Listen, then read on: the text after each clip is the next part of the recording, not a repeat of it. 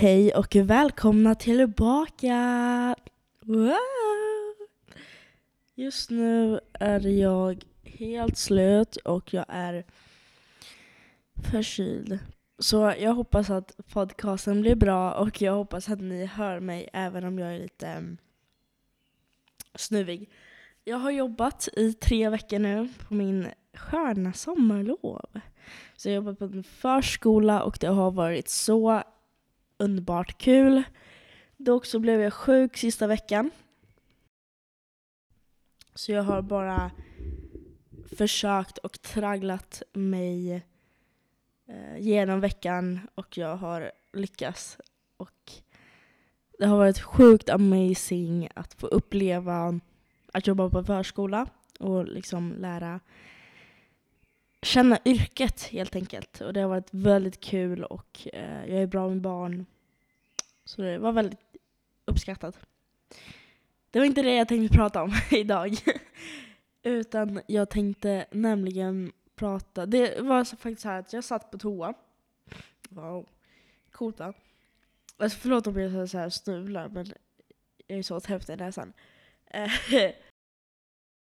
men jag satt på toa och sen så jag brukar prata med, med mig själv. Så jag satt på toa, så började jag prata med mig själv och så bara... Mm, um, när jag skulle tvätta händerna bara... Jag satt... Och så sa jag bara att nej men gud, jag önskar att det där spelades in. Så jag bara grab my liksom, utrustning och bara satte mig vid bordet nu och nu spelar jag in. Och nu ska jag försöka sammanfatta det jag sa på toan. Um, det handlar om min skolgång. Om mitt liv. Uh, my God vad jag önskar att allt det där jag sa spelades in för att jag var så emotional och um, jag sa så mycket kloka och bra ord. Och det är inte, jag säger inte det bara för att jag tycker det, utan det var liksom verkligen som att det fångade hjärtat. Um, men jag önskar verkligen att jag kunde spela in det, men um, jag kan inte ha en kamera på, liksom, i toan, eller på toan. Um, så jag ska försöka sammanfatta hela det jag sa, eh, sa och eh, det kommer låta helt crazy nu när jag ska försöka få ihop det. Men jag hoppas det blir bra och vi återkommer när det är paus.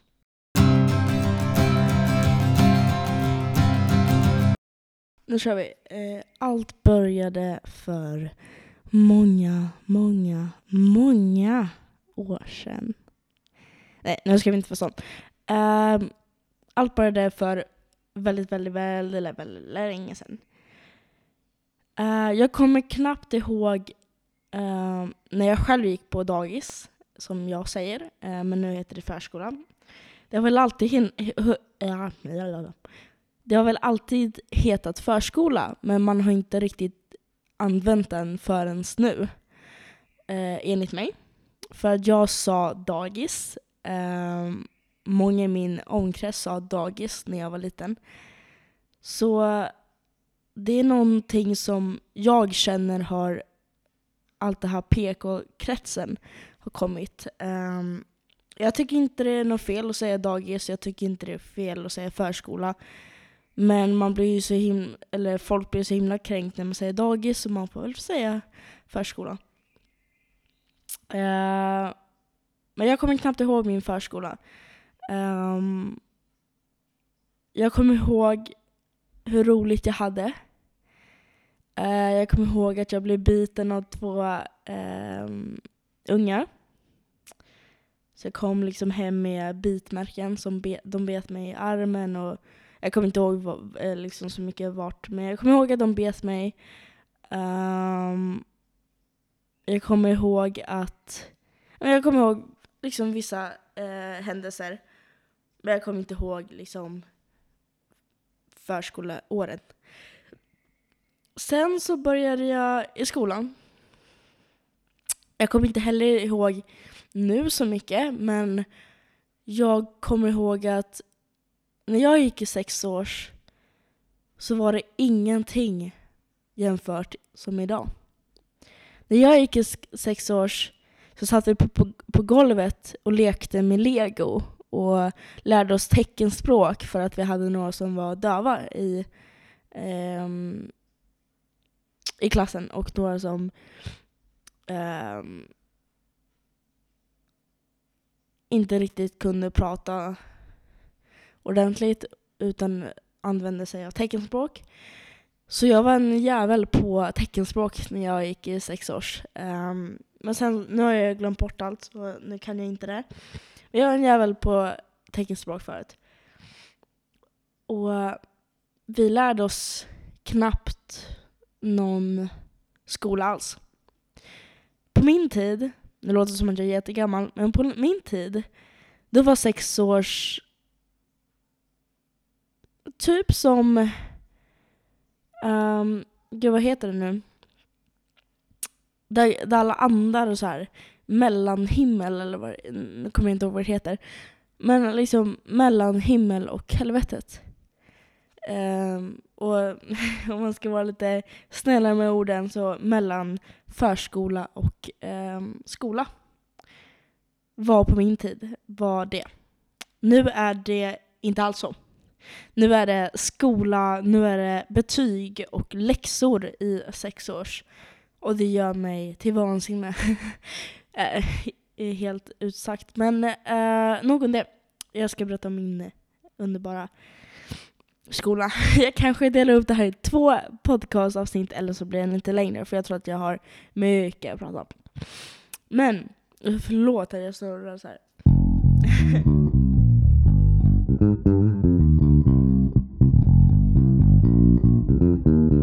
Sen började jag i ettan. Innan jag började ettan så um, mina klasskompisar jag hade i sex års, nu min mick på ramlar. Förlåt. Mina klasskompisar som jag hade i sex års hade jag även i åttan, men nog om det, det kommer vi till. Nu började jag ettan. och mina lärare tyckte att det var något fel på mig. Mina lärare tyckte det var något fel på mig i ettan. Eller sex år, jag kommer inte ihåg. Så de tyckte att vi behövde utreda mig. Eller liksom gå på en utredning och kolla vad jag har för diagnos för att få lättare hjälp. Eh, eller skolvärlden, mer pengar. Let's fair. Skolan, ingen skola. Jag förstår att ni kanske inte fattar vad jag menar. Men nu är det så här att skolorna som lever idag, skolorna som levde på min tid, är bara ute efter makt och pengar. En person som har diagnoser, man tjänar mer på dem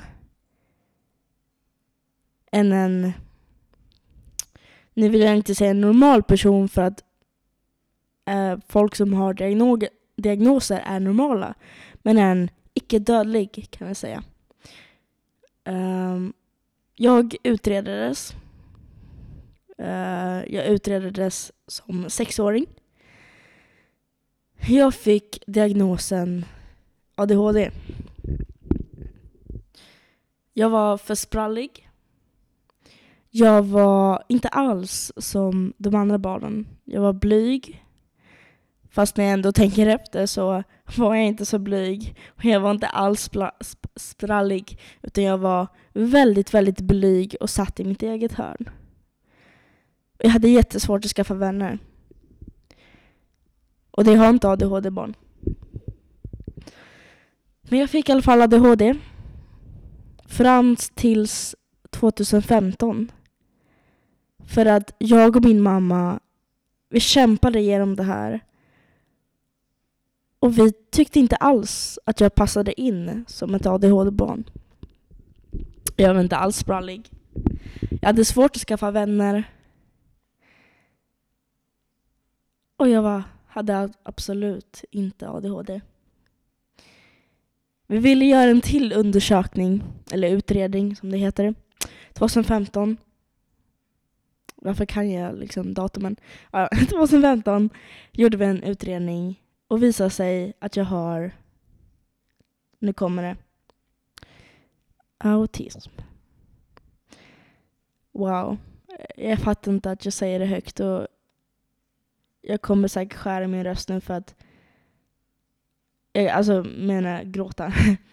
för att jag, åh oh gud nu kommer det. Jag brukar inte berätta att jag har autism för att det finns en person, jag kommer till personen när jag kommer berätta om mina år, um, som verkligen förstörde min uppväxt och verkligen förstörde mina skolår.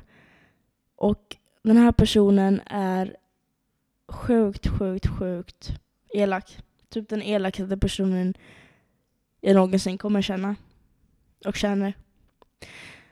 Och hon har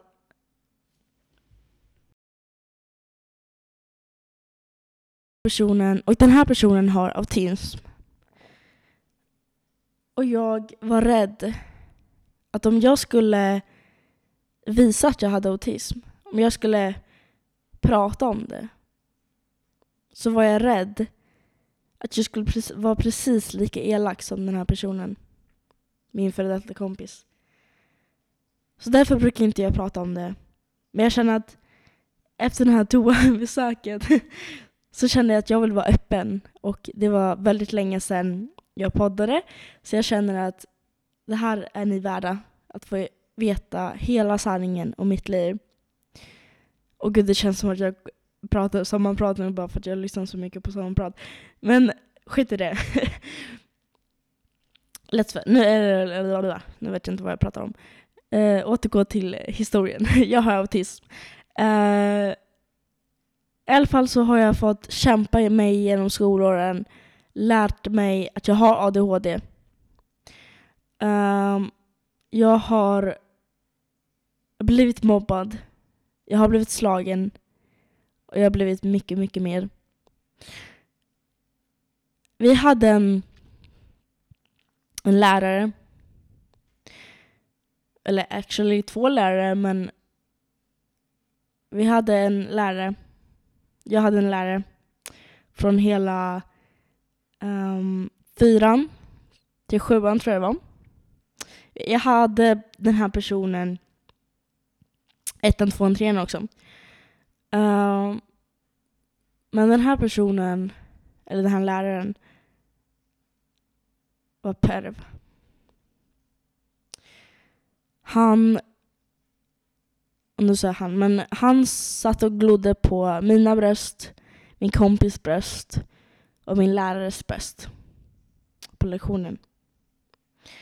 Han, vi hade en liten uppgift, jag kommer inte ihåg om det var fyran eller femman, vi hade en uppgift att skriva ett brev till en känd död person.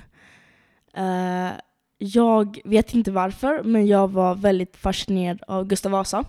Jag, jag, kommer faktiskt inte ihåg varför jag var så fascinerad av honom, men uh, jag var väldigt fascinerad av honom när jag var liten. Så jag skrev ett brev till Gustav Vasa.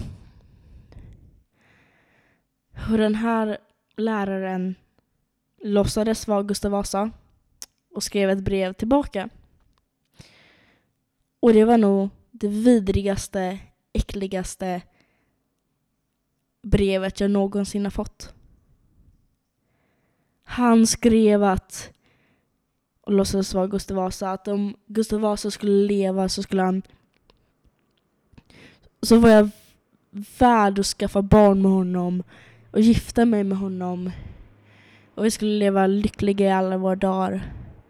Och massor, massor mer. Och var det vidrigaste jag någonsin har fått.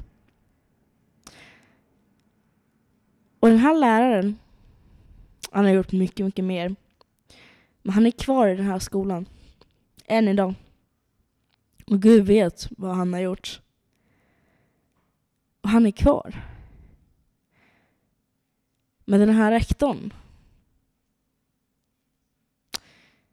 Jag vill svära så mycket på den här personen, på den här rektorn.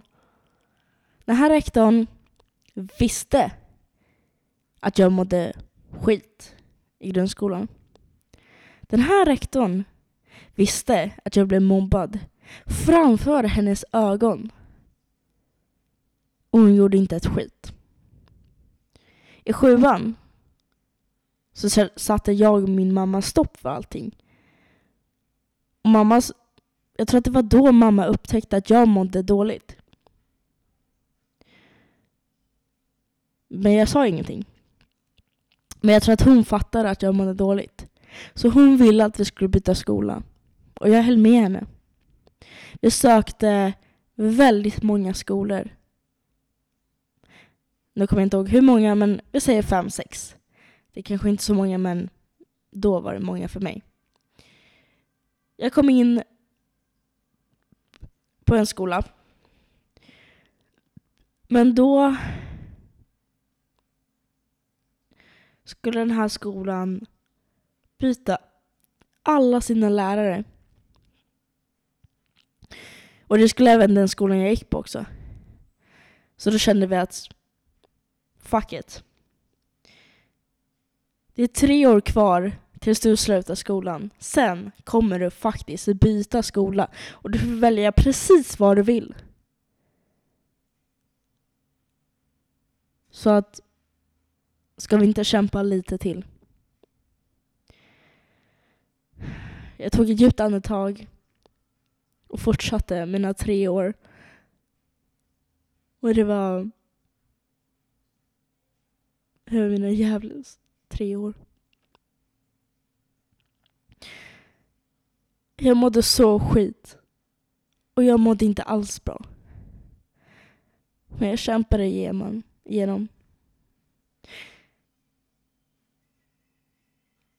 Under, under mina år så var det en tjej som um, jag vet inte om hon låtsades vara min, min vän men vi hade jättebra tillsammans. Jag kommer inte ihåg vad som hände men vi slutade vara vänner till slut. Jag kommer inte ihåg om hon gjorde slut med sin kille eller något sånt där. Men vi slutade vara vänner. Och på en idrottsdag så tog den här tjejen med sig sina två kompisar och skolkade från idrotten. Gick till omklädningsrummet. Tog mina byxor och mina tröjor, mina trosor och mina bh. La dem i duschen och satte på duschen så att de blev dyngsura. Tog min mobil. Satte min mobil nära toaletten och öppnade locket så att den skulle på toalettringen så att den skulle ramla i. Slängde ut alla mina saker i min gympapåse på golvet. En lärare, den här perversa lärarens fru som jag hatar kom in till omklädningsrummet.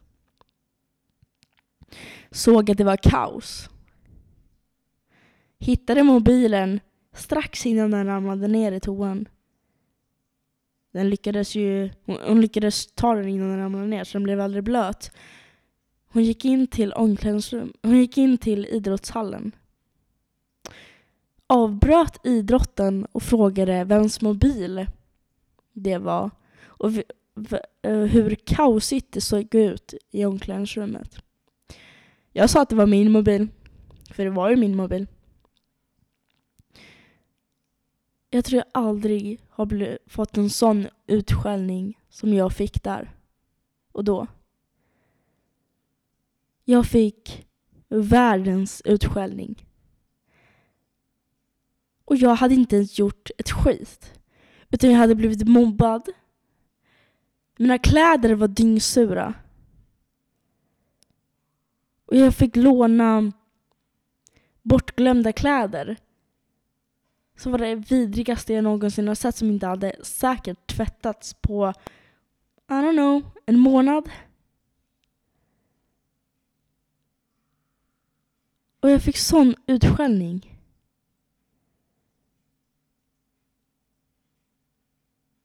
När jag minns tillbaka så...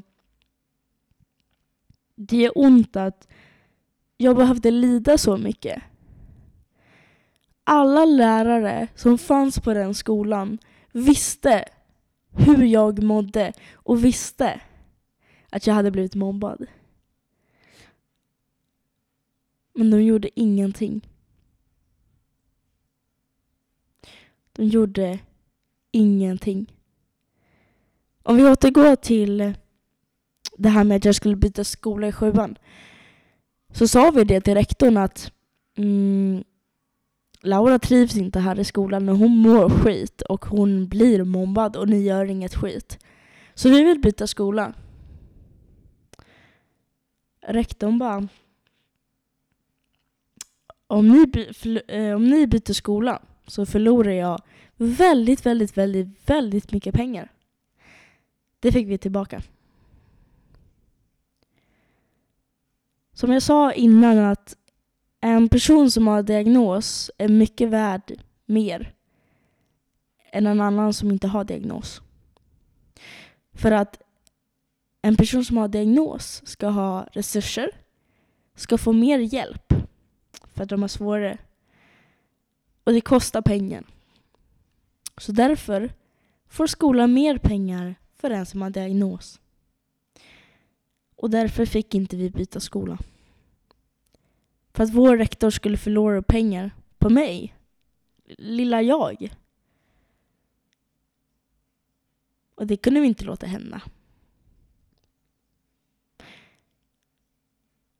Så jag fick byta, byta klass. Till alla personer som har mobbat mig under tiderna. De ska jag gå i samma klass med. Jag fick panik. Det är inte så många som vet det här, men jag fick panik. Hur ska jag kunna gå i tre år med alla mina mobbare? Jag fattar inte det själv. Suck tänkte jag. Jag har blivit så mycket mobbad under alla åren jag gått där. Och nu ytterligare tre år, hur ska det gå? Tänkte jag. Men vi fixar det här. Laura, du fixar det här. Du är stark. Du har kommit hit. I sjuan. Tre år ingenting. Du har redan gått åtta år i skolan. Det här är ingen, det här är en match. Det här är ingen match för dig. Du fixar det. Tänkte jag. Även de här tre åren så blev, blev jag konstigt nog väldigt mobbad. Det var en kille som jag jag tyckte inte om eller jag var inte kär i honom, men jag tyckte att han var snygg. Och han var ihop med eh, en tjej i min parallellklass. Och sen efter typ eh, i åttan, halva åttan kanske, så kom han fram till mig. Han hade aldrig pratat med mig. Så kom han fram till mig och skulle hälsa. Liksom. Tog fram sin hand och bara Hej Laura. Jag stod där som ett fån och bara Ska jag ta i honom, eller hans hand? Eller ska jag liksom bara gå därifrån? Jag kände ett pirr i mig själv att faktiskt någon ser mig. Men jag såg hans polare lite längre bort som stod och fnissade. Och så tänkte jag, ja. Ännu en mobbare. Tack så mycket. Så jag gick därifrån. Jag tog aldrig hans hand. Där kände jag mig stark. Att jag nekade till en person. Han blev lite sur och så gick han. Han var ganska populär så det kan vara kanske det, därför också. Men eh, han blev nekad. Säkert första gången i hans liv. Men nog om det. jag blev väldigt, väldigt mobbad. Och det har jag sagt väldigt, väldigt, väldigt många gånger i den här podden.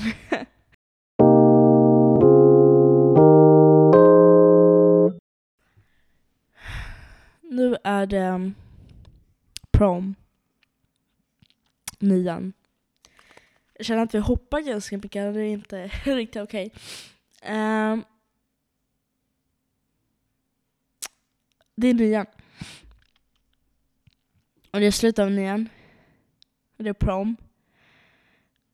Jag typ tvingar min kompis att gå på prom. Hon vill inte. För att um, hon var typ lika blyg som jag. För att vi har, jag och hon eh, gick i samma klass, har gått i samma klass typ i alla år.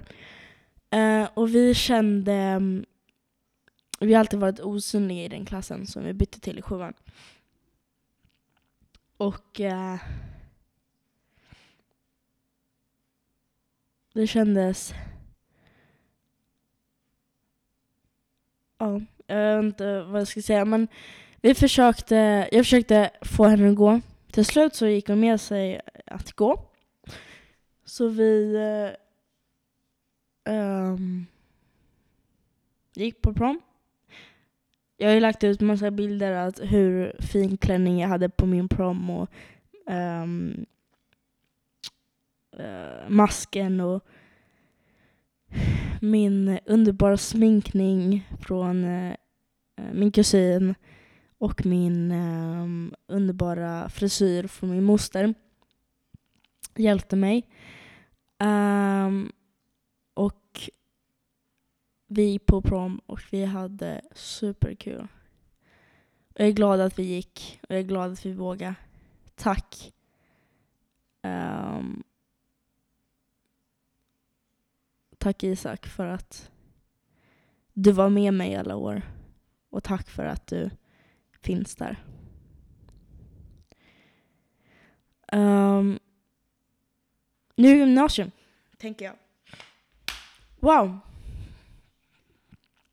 Under hela sommaren så bara skriker jag av wow-glädje och bara jag ska börja en helt ny skola. Nu säger jag bara så här att jag har gått på samma förskola, säger förskola, oh my god, från när jag var liten tills när jag var um, fem är man väl när man slutade. Så gick jag sex års. Började sex års. Och så gick jag från sex års till nian exakt samma skola. Så det här är liksom min första hopp. Nu fattar ni säkert inte vad jag menar. Men jag känner att många andra som liksom bara har bytt skola flera gånger och mamma bytte skola flera gånger och andra som jag känner bytte flera gånger. Och jag har aldrig bytt, jag har gått på exakt samma skola. Min lillebror bytte till och med, för att han bytte, när han gick i sjuan tror jag, så bytte han um, till en annan helt ny skola.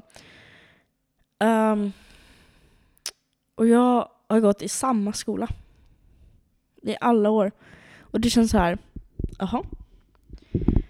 Hur ska det kännas att börja en helt, helt ny skola? Under hela sommaren, fram tills typ tre veckor innan jag började. Oh my god, oh my god. Gud vad roligt. Sen kom de här tre veckorna. Och då blev jag nervös. Och bara, jag vill inte gå i skolan. Jag vill hoppa av gymnasiet. Hur ska jag vara liksom? Jag måste börja om. jag börja, måste börja om vem jag är. Jag har aldrig gjort det här steget förut. För att när man är liten, då formas man inte så som man vill formas. Jag gjorde inte det i alla fall. Utan man hoppar rakt in i sexårs sen ettan, tvåan, trean och så vidare och så vidare tills nian.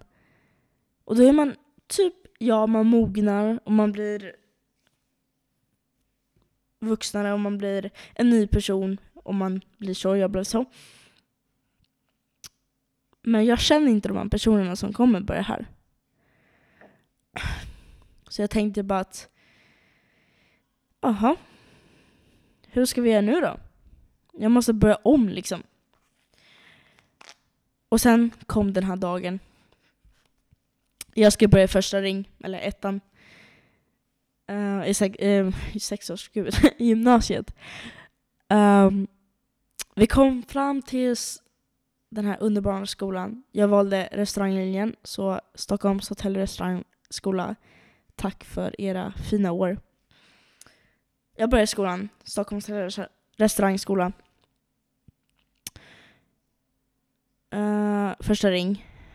Vi kom dit och satte oss i aulan och väntade tills rektorn skulle hålla speech och väntade tills någon lärare skulle dyka upp och para in i klasser. För det hade man inte fått reda på innan. Så ser man där. Fuck, säger man. Fyra. Det här blir kul. Fyra av mina mobbare från min tidigare skola sitter i aulan med mig. Minns ni när jag pratade om de här två personerna? Um, eller jag sa väl tre personer kanske. Min kompis, eller min före detta kompis och hennes två polare som uh, lämnar alla mina kläder i duschen och mobiler och så bla bla bla. Två av dem. Och hon var där. Och hennes kompis var där som hade gjort det där. De satt i aulan. Och skulle börja i skolan. En annan person som faktiskt var min bästa, bästa, bästa vän i, på dagis och um, lite grundskolan och lite mellanstadiet. Um, sen växte vi ifrån varandra, gick skilda vägar, men vi gick i samma skola. Så hon har hängt med mig hela mitt liv. Hon mobbade mig och hon var där. Och hennes kompis som också mobbade mig men hon mobbade mest mig i mellanstadiet och um, um, grunds, um, ja, ja, uh, högstadiet. Tack. Hon var där. Fyra av mina mobbare satt i aulan. Jag tänkte, fuck. Jag vill inte vara här. Jag vill verkligen inte här, vara här. Jag höll på att gråta när jag satt där.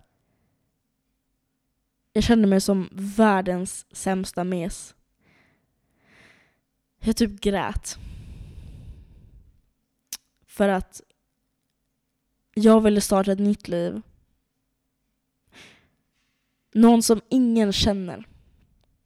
Börja om. För att jag blivit så mobbad. Och ja, under den tiden i grundskolan så skar jag mig. Jag ville börja om ett nytt liv.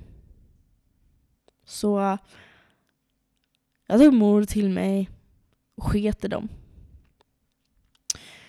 Jag parade ihop eh, med en klass. Yes, tänkte jag. Ingen av dem hamnade i min klass. Wow, vad skönt! Under hela ettan, nu ska jag, let's fair. Ettan i gymnasiet, ja, jag blev mobbad av några i mina, min klass. Men ettan i gymnasiet är mitt bästa år i skolan.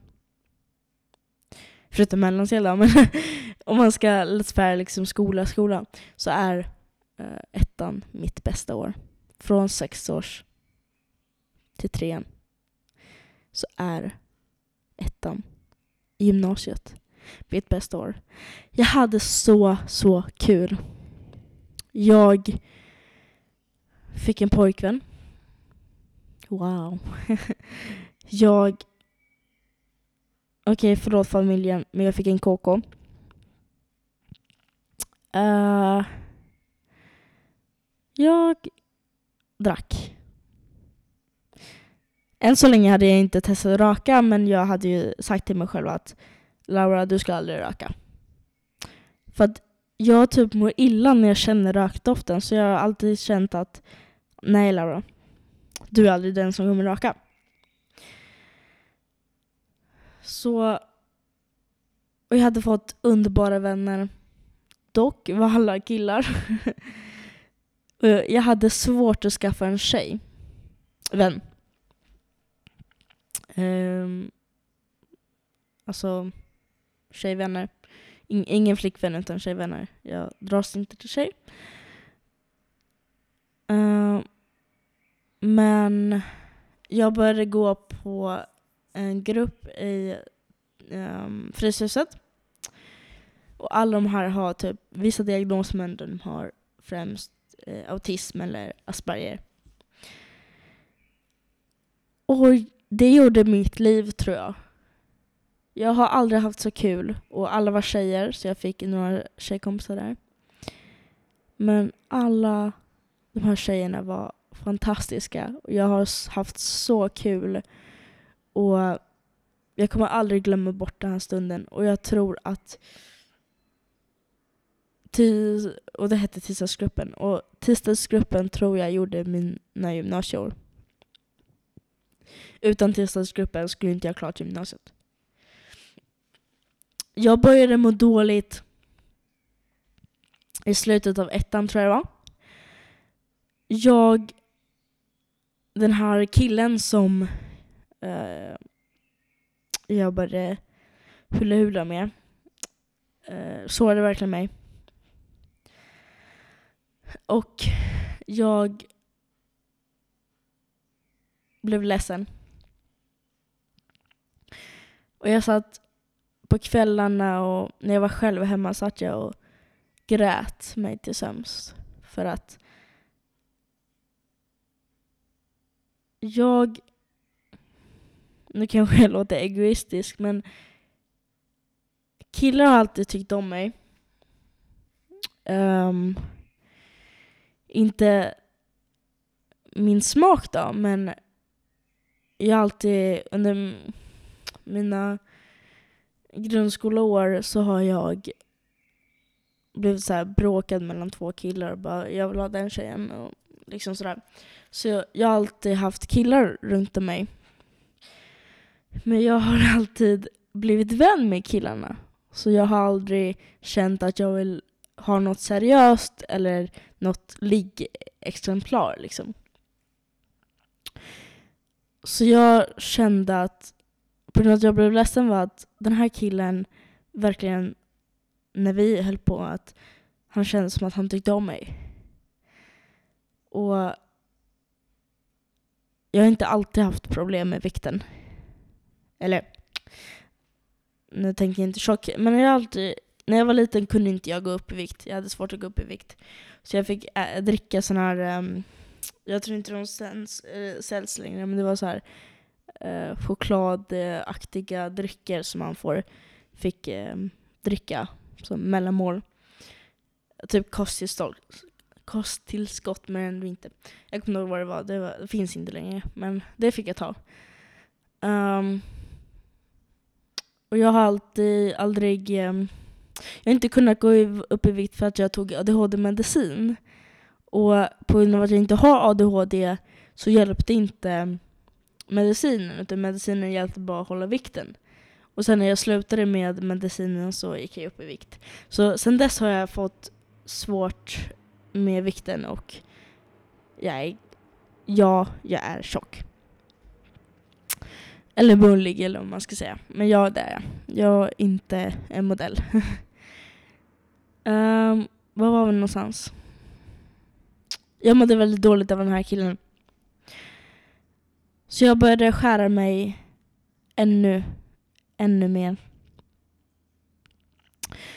Innan så har jag väl bara skärt mig Eh, I grundskolan eller sådär har jag bara skärt mig liksom för att jag har mått dåligt. Och det är absolut inte för att jag vill ha uppmärksamhet, för det vill jag inte.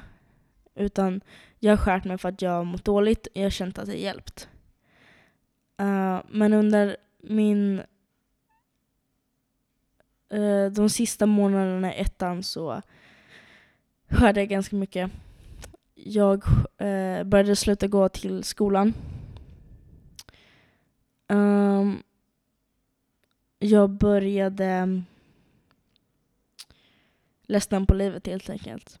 Jag har ju berättat tidigare att jag uh, tänkte hela tiden att jag ville gå till tågstationen och hoppa. I tvåan började det gå riktigt, riktigt, riktigt dåligt. Om vi återgår till ettan bara så um, jag var rädd för betygen i ettan. För att i grundskolan har jag fått sämsta betyg bara för att jag är den jag är. Och lärarna kände som att de hatade mig. Och för att jag har gått i en liten klass när jag var i grundskolan för att folk trodde att jag hade ADHD. Eller lärarna trodde att jag hade ADHD. Så jag fick gå i en liten klass. Och då har inte jag fått jättebra betyg. Även om jag kan mycket mer så och jag har visat det så har de ändå satt ett väldigt dåligt betyg för att de inte vill att man ska bli ledsen. För nästa liksom. Så jag var första gången liksom jag fick stå på egna ben och när man jämför betygen från grundskolan och gymnasiet, nej, jag har inte lärt mig annorlunda. Jag kunde exakt samma sak. Men jag fick bättre betyg i gymnasiet. Och jag tror att det var för att, inte för att jag kämpade ge mig, ge mig genom gymnasiet, utan för att det var lärare som, upp, som uppskattar mig och som vill hjälpa. Min lärare i ettan, Joel, du är fantastisk. Du är magisk. Och jag önskar att alla lärare är som du. För du var så bra på att lära ut. Du är min förebild. Och du kommer alltid vara min förebild. Och jag vet att du inte lyssnar på den här podcasten. Men du gjorde verkligen min, mitt år. Utan dig i ettan hade jag nog inte funnits här på jorden. Du tog mina fighter jag inte vågade ta. Du lärde mig att livet är mer att få än, än att ge. Och du slåss och slogs mot mina mobbare. Och det uppskattar jag varmt. varmt. I ettan blev jag också mobbad. Jag gick en entreprenörskapslinje i ettan. Um, gissa vilka två som var där? Jo, mina mobbare. Vi sa första dagen i ettan så fick vi ha en sån här liten snack med kuratorn. Och hon, jag tackar dig också, du gjorde mina år, även ettan och tvåan, till de fantastiska åren jag någonsin har gått på. Utan dig, Susanna, utan dig så skulle inte jag funnits på den här jorden. Och det menar jag. Utan dig så skulle inte jag gått på mellanscen. Du tog mina fighter du sa till mina mobbare. Du gjorde mer än vad jag kunde göra. Du blev mina ben när jag var svag. Och du kunde gå med dem. När jag var hemma för att jag inte klarade av mer för att jag var svag så kämpade du igenom mina skolår. Mina dagar. Och du kom till ett beslut. Att vi kunde göra annorlunda. För att jag skulle kunna gå till skolan och inte vara hemmasittare. Utan dig så skulle inte jag ha funnits här. Utan dig så skulle mina år på gymnasiet varit förjävliga. Utan dig så skulle säkert inte jag har gått två år på Stockholms hotell och restaurangskola. Och det tackar jag enormt för. Tack så mycket. Och tack för att du bryr dig. Och tack för att vi hade telefonsamtal, sms-samtal och allt det där. För att du fick mig gå till skolan och inte vara en hemmasittare. Det är jag enormt tacksam över.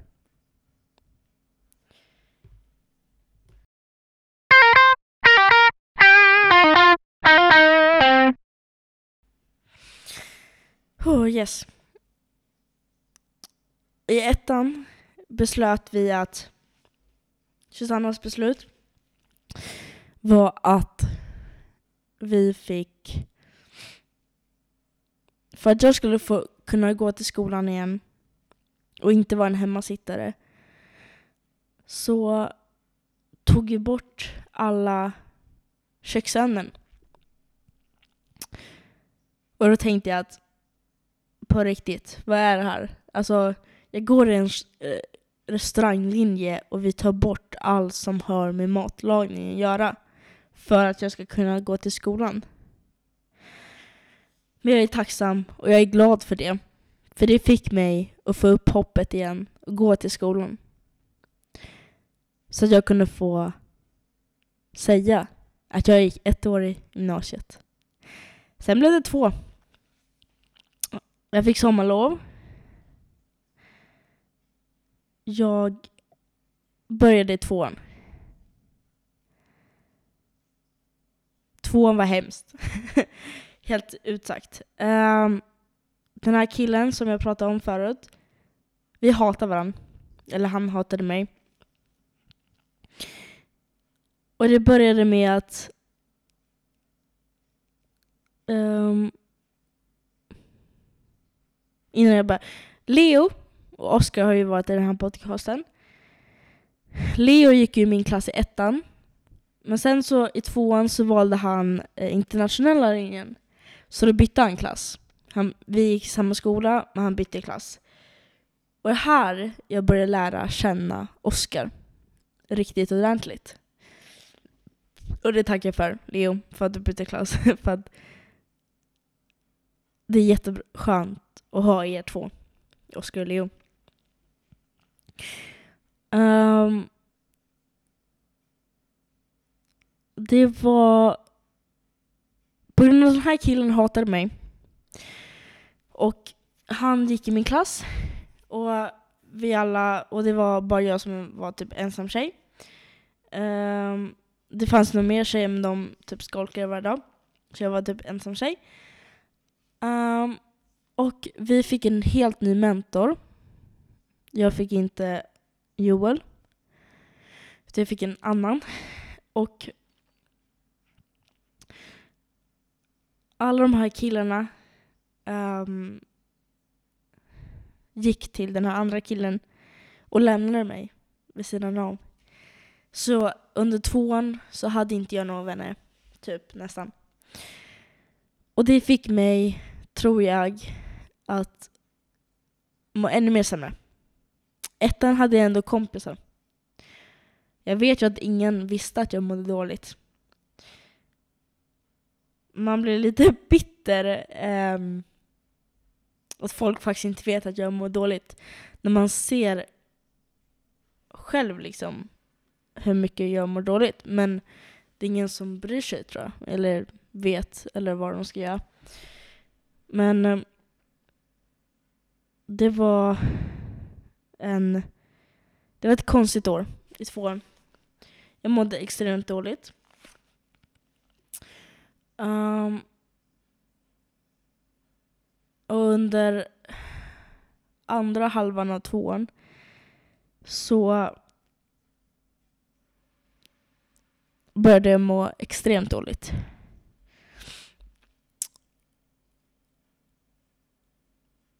Och jag och Susanna funderade lite på att hmm, Laura. Det verkar, jag kände att jag kommer inte klara ett år till. Jag tänkte att när man är sjuan så sa vi tre år liksom. Jag klarade tre år. Men jag kände att om nu jag tog bort alla köksämnen i typ halva ettan och typ tvåan. Hur ska jag kunna gå ut studenten för att jag vet när man får se mallen i trean att det är sjukt mycket restaurang ehm, och matlagningssaker. Jag fick en praktik i tvåan. Eh, jag fick vara på Le Rouge på um, hösten tror jag var. Jag ska aldrig gå dit. Jag blev behandlad Ja, jag vill svära så mycket i den här podcasten. Jag blev inte alls bra behandlad. Um, jag fick inte som prao-elev eller praktik eller vad man säger. Så ska man, och sen var inte jag 18 heller, så då ska man, man inte få göra vissa saker. Speciellt i eh, restaurangkök. Um, och denna gång var det inte restaurangkök utan jag var servitris på Le Rouge. Och det var...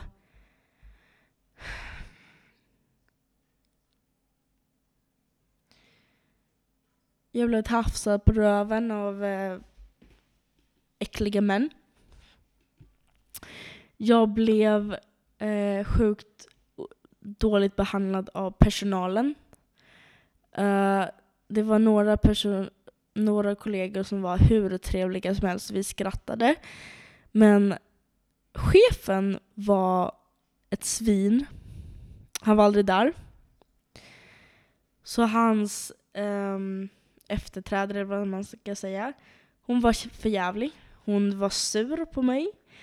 Eh, men jag hade inte gjort någonting utan jag bara var lilla jag liksom som bara, vad ska jag göra nu?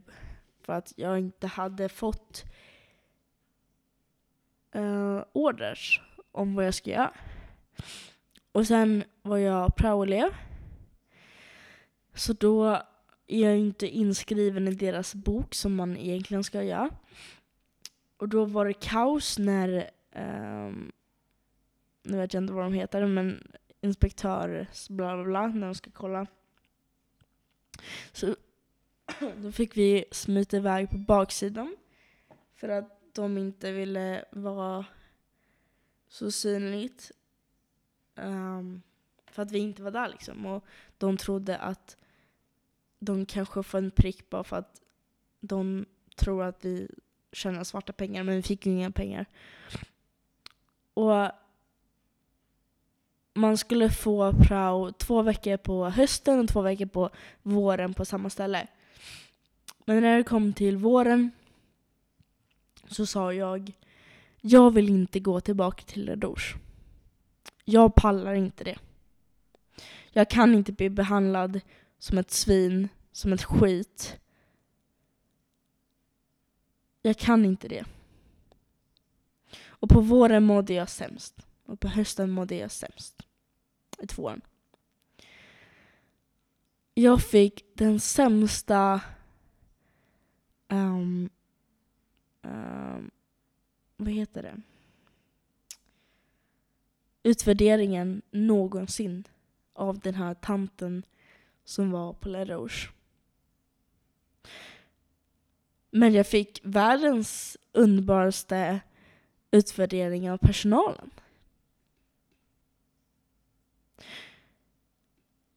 Och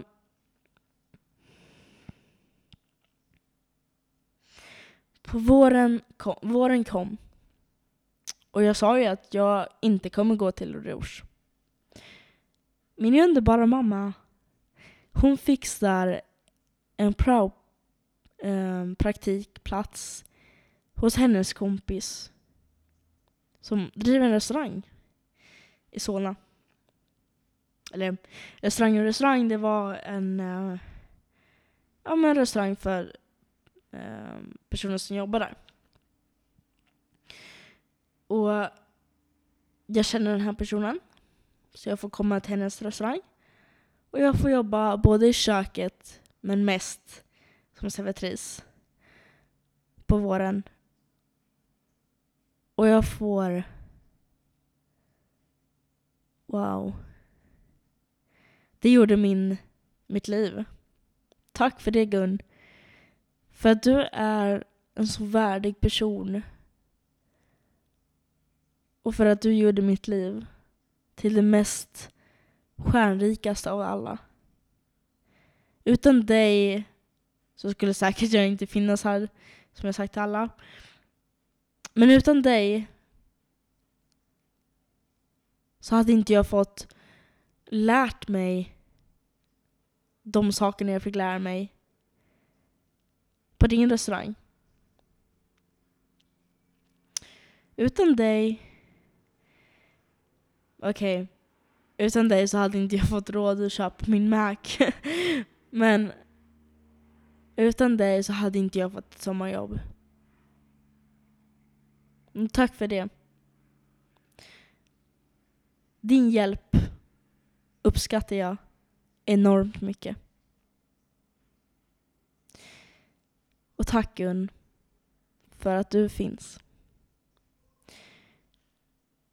Och nu vet ni vad? Så jag har pratat sjukt länge. Och jag hoppas att ni inte tröttna, tröttnar på det jag har att säga. Och det har jag sagt. Men vi återkommer nästa vecka, för att annars kommer den här podcast um, avsnittet vara hur långt som helst. Så tack för det och sen så återkommer vi nästa vecka. Tack.